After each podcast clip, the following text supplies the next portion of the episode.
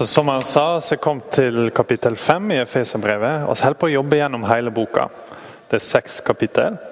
Der de tre første er ganske teoretiske og forklarer litt om hva er det kristne livet og hva er det Jesus har gjort for oss.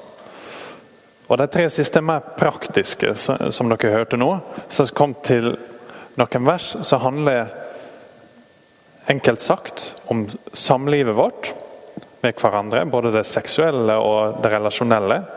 Og hvordan vi tenker om penger. Så det er veldig praktisk, egentlig. Kanskje ukomfortabelt praktisk. Og Det er ganske spennende for oss å se hva Bibelen har å si om dette, for alle samfunn regulerer disse tingene. Vi trenger en måte å tenke om det på som er sunn og god, eller så fungerer ikke relasjonene mellom oss. Men problemet er at samfunnet vårt sliter veldig med å regulere hjertet. Det er ganske lett å sette regler for hva som er innenfor og utenfor. Det er veldig vanskelig å regulere vekk grådighet eller regulere vekk et usunt begjær. Så det er spennende for oss å se nå hva, hva er Bibelens vinkel på dette. Hva er det Paulus har å si, og hva er det Gud prøver å si til oss. Eh, men først er det nyttig å tenke litt på hele, hele konseptet. For når, når, Bibelen snakker om, om dette og advarer mot det, så er det mer enn en pekefinger. Det er lett å tenke at når Bibelen snakker om synd, så er det ikke gjør sånn. Ferdig med det. Men hvis vi bare tenker sånn, da tror jeg ikke vi helt har forstått det kristne forståelsen av synd. For den er masse større enn det. Den er bredere, og den er djupere. I Aftenposten denne veka, eller sist veke, så var det en ateist som skrev om det temaet her. Jeg tenkte jeg skulle lese til dere, for det var veldig bra. Torbjørn Støylen, hvis dere vet hvem, hvem han er, Lars og ga det til meg. Hør på dette her. Det er skrevet i Aftenposten nå Jeg husker ikke datoen, kanskje dere husker det. Eh, av en som heter Bjørn Sterk, som beskriver seg selv som ateist. Eh, han skriver under overskrifta på det avsnittet 'Vi er alle syndere'. Det er snarere når vi snakker for lite om moral at vi får moralisme. Det er få som kan bli så dømmende som en som aldri fordømmer noe. Eller så utopisk som en realist. Hvis vi snakker mer om moralsk eh, Hvis vi snakker mer om moral, ville vi visst at den er et tveegga sverd. Den rammer aldri bare én retning og må brukes forsiktig. Så sier han kjernen av det kristne moralsynet er at vi alle er syndere. Noen mener at dette er den verste kristne ideen. Jeg mener det er den beste. Den er frigjørende og demokratisk. Den betyr at vi kan stå sammen i ønsket om å være bedre enn vi er. Vi er ikke perfekte og kan aldri bli det. At vi alle er syndere, er en idé som hindrer oss i å bli heksejegere. Og gjør det lettere å lytte til kritikk. Den modererer oss, den beskytter oss mot fanatikere som, når de har oppdaga at Guds trone er tom, vil sette mennesket der i stedet. Han er ateist.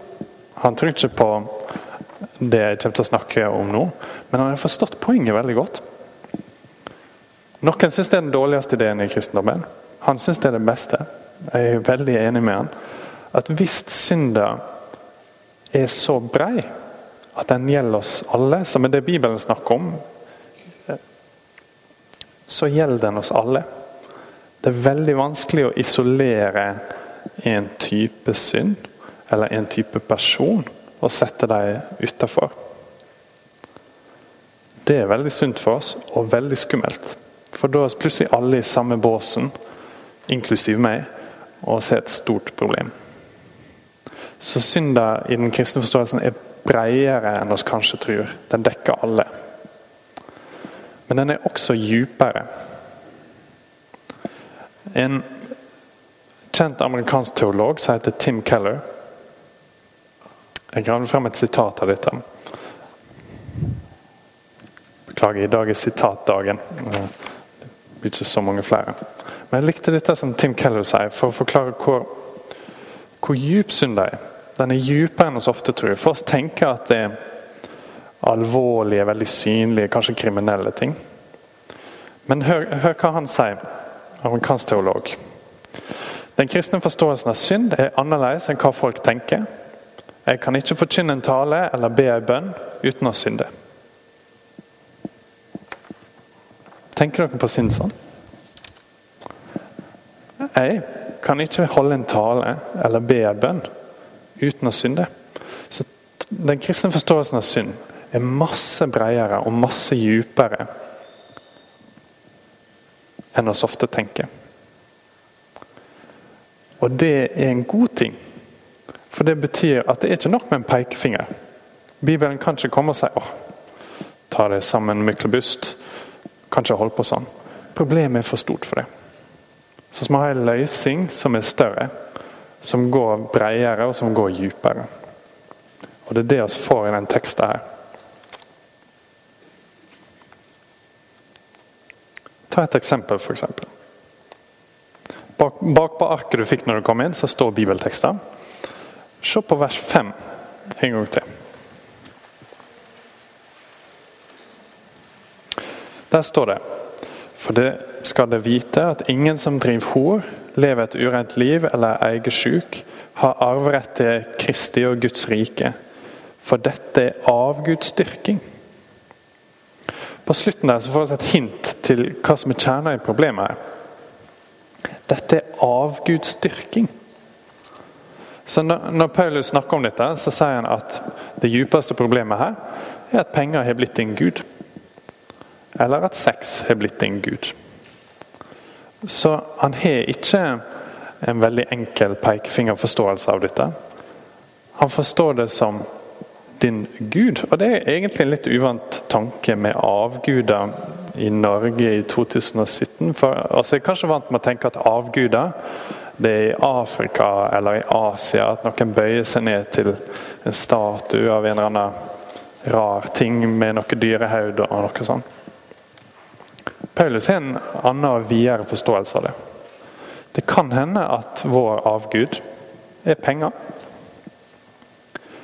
Kort sagt så er en avgud en god ting som har blitt ødelagt fordi den har fått en for stor oppgave. Det er ingenting gale med penger. Det er til og med ok å være glad i penger og lyst til å tjene litt til. Men hvis du elsker penger, sånn at det styrer livet ditt, og sånn at det er det som er ditt grunnleggende håp, det er det som skal redde deg, da er alt ødelagt. Da har du blitt en avgud som vil spise deg levende. Sammen med sex. Sex er en god ting. Det er skapt til å ha en veldig viktig funksjon. Det kan redde et ekteskap, og det kan skape noe vakkert. Men hvis det blir din Gud, så vil det ødelegge deg. Jeg sa det var sitatdagen. Ehm, det er en amerikansk forfatter som heter David Foster Wallis, ehm, som har sagt noe om dette som er ganske kjent. Han har holdt en tale på et ehm, universitet til avgangselevene. Grunnen til at jeg tok med dette, er at han heller er ikke kristen. Jeg vet ikke om han vil beskrive seg som ateist, kanskje agnostiker. Eh, så jeg tar det med for å vise dere at dette er ikke en idé som presten i Sykkylven har kommet på i løpet av veka. Dette er en ganske kraftig måte å forstå livet på. Så hør her fra en sekulær amerikansk forfatter. Han sier her er noe annet som er rart, men sant. I det daglige, voksne livet så er det faktisk ingenting som heter ateisme. Det er ingenting som er å ikke tilbe noe. Alle tilber noe. Det eneste valget vi får, er hva oss vil tilbe. Hvis du tilber penger og ting, hvis det er der du henter ekte mening med livet ditt, da vil du aldri ha nok. Du vil aldri føle at du har nok. Og det er sant. Hvis du tilber din egen kropp, hvis du tilber det vakre, det seksuelle, da vil du alltid føle deg stygg. Og når tida og alderen begynner å vise på deg, så vil du dø en million ganger før de endelig en dag legger deg i jorda. Hørte dere det? Han sier akkurat det samme som Paulus. Problemet her er avgudsdyrking. Hvis guden din skal være utseendet ditt eller det seksuelle, så vil du dø en million ganger før du dør. For hva skjer når du mister det? For alt håpet ditt har blitt knytt opp til denne tingen. Det har blitt din gud. Og når du tar det vekk, hvem er du da? Identiteten din forsvinner. Så Paulus har et annet forslag. Han advarer oss først mot ok, hvis du skal ha en gud, så må det ikke være en avgud som vil ødelegge deg. Det må være en gud som vil redde deg. Så hvis du har tekster, se en gang til på vers 1 og 2. For De er litt annerledes nå når vi har sett på resten. Der står det Ja, likner Gud det som er hans kjære barn. Lev i kjærleik, liksom Kristus elsker oss og ga seg sjøl for oss som en gave og et offer. En velluktende ange for Gud. Paulus foreslår kanskje en ganske lite radikal tanke, men den er veldig viktig. Han foreslår at Gud skal være Gud. For han sier ja, likner Gud det som er hans kjære barn. Han gir oss en ny identitet. Vi kan være ungene til Gud. En av tingene som skjer hvis guden din skal være en avgud, er at når du mister den, så forsvinner du. For Si da at du knytter alt håpet ditt til pengene dine, så forsvinner de. Eller kanskje enda verre, du knytter alt håpet ditt til pengene dine, og så blir du rik. Og så er du like tom på innsida. Kanskje enda mer. Hva skal du gjøre nå? Du forsvinner oppi det hele. Identiteten din smuldrer vekk. Samme med seksualitet. Den er ikke egnet på noen måte til å være din identitet. Men Gud er det. Han sier 'Dere er mine kjære barn'. Så lev i kjærleik, liksom Kristus elsker oss og ga seg sjøl for oss. Pengene våre kommer aldri til å dø for oss skjønnheten din eller det ytre utseendet ditt kommer aldri til å dø for deg. Men Kristus har allerede dødd for deg. Og Det er det store poenget til Paulus her. At måten oss kan tenke klart om disse tingene, og måten oss kan bli formet til å leve på en god måte, er at vi ser at Kristus er verdig å være vår Gud. At vi tilber Han ikke bare fordi det gjør gode ting for oss, men fordi vi ser han, at han er verdt det. Han har gått hvert et skritt til korset og dødd en grusom død. Når du dør på korset, så dør du en kvelningsdød som tar lang tid. Han tok den døden for vår skyld. Han gjorde det for oss, sånn at oss kan slippe det. Sånn at disse tingene ikke lenger skal være våre guder. At jeg kan gå tilbake og ha en sunn, god plass i livet vårt. Og slippe å være det ultimate, det største, det å hekte livet vårt på. For da blir de ødelagt, og da ødelegger de oss. Så jeg har sett kort nå.